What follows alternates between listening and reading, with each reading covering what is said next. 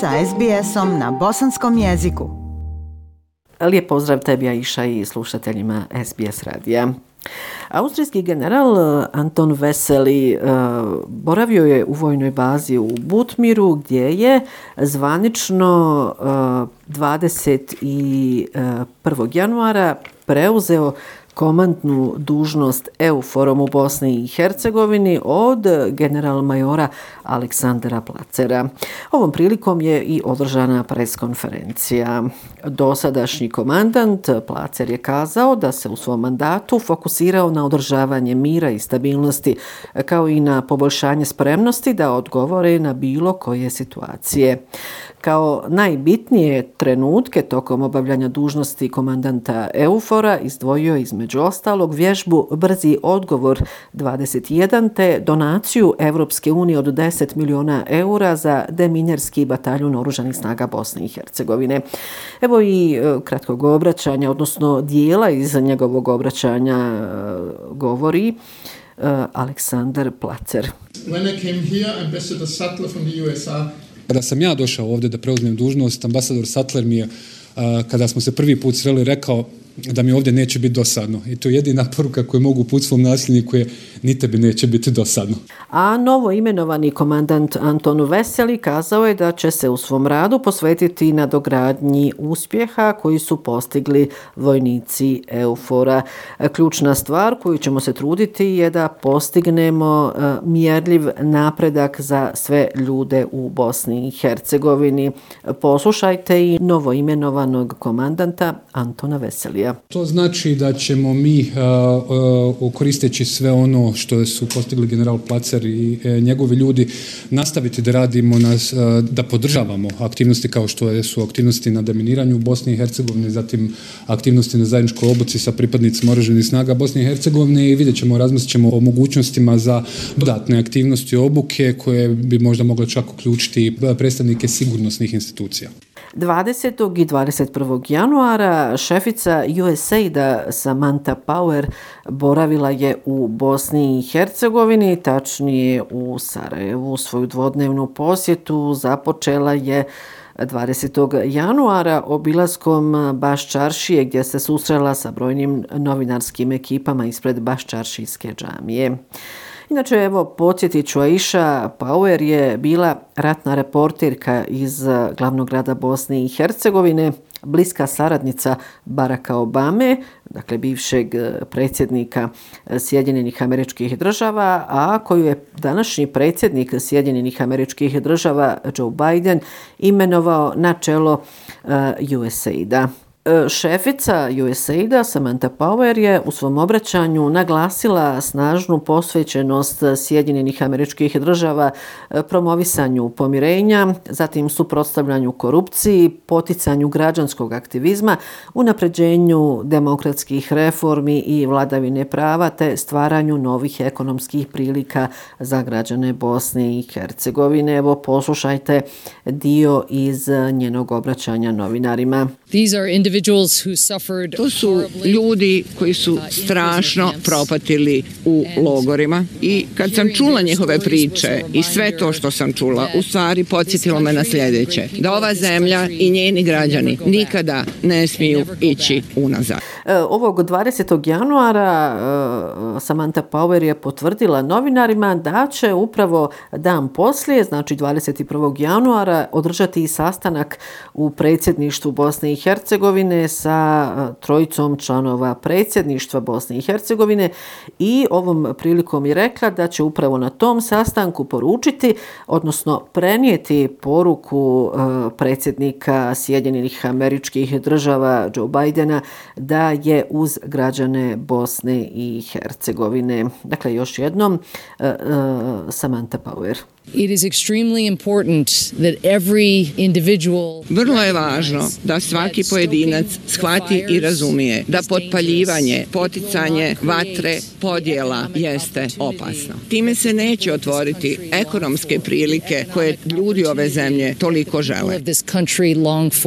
Bio je ovaj sastanak sa šeficom USAID-a Samantom Power. Članovi predsjedništva su je primili u zgradi predsjedništva Bosne i Hercegovine u Sarajevu, a nakon tog sastanka e, svoju preskonferenciju u istočnom Sarajevu imao je član predsjedništva Milorad Dodik.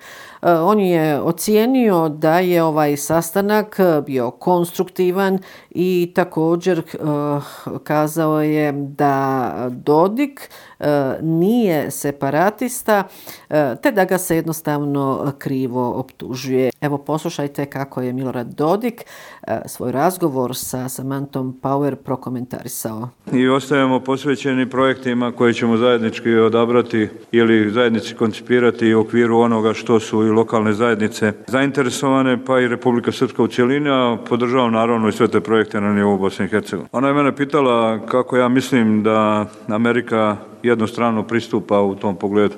Moje objašnjenje je bilo da njihovi službenici ovde imaju skrivenu agendu kojom pokušavaju da centralizuju Bosnu i Hercegovinu do mjere da se ne uvažavaju dejtonska rješenja koja idu zatim da se poštuje stavovi strana i da samo strane mogu biti te koje mogu da mijenjaju situaciju. To je bio moj naravno odgovor. Možemo reći da i dalje ovdje politička kriza koja već e, zaista traje prilično dugo, a ono što je, bar za sada izvjesno, jeste da specijalni zaslanik Sjedinjenih američkih država za izbornu reformu u Bosni i Hercegovini, Matthew Palmer, i direktorica pri Evropskoj službi za vanjske poslove Angelina Eichhorst, e, naredne sedmice ponovo stižu u Bosnu i Hercegovinu. Oni će, kako ovdašnji mediji prenose, 26. januara stići u Sarajevo kako bi nastavili dijalog i pronašli rješenja za trenutnu političku krizu sa ciljem fokusiranja na izborne reforme.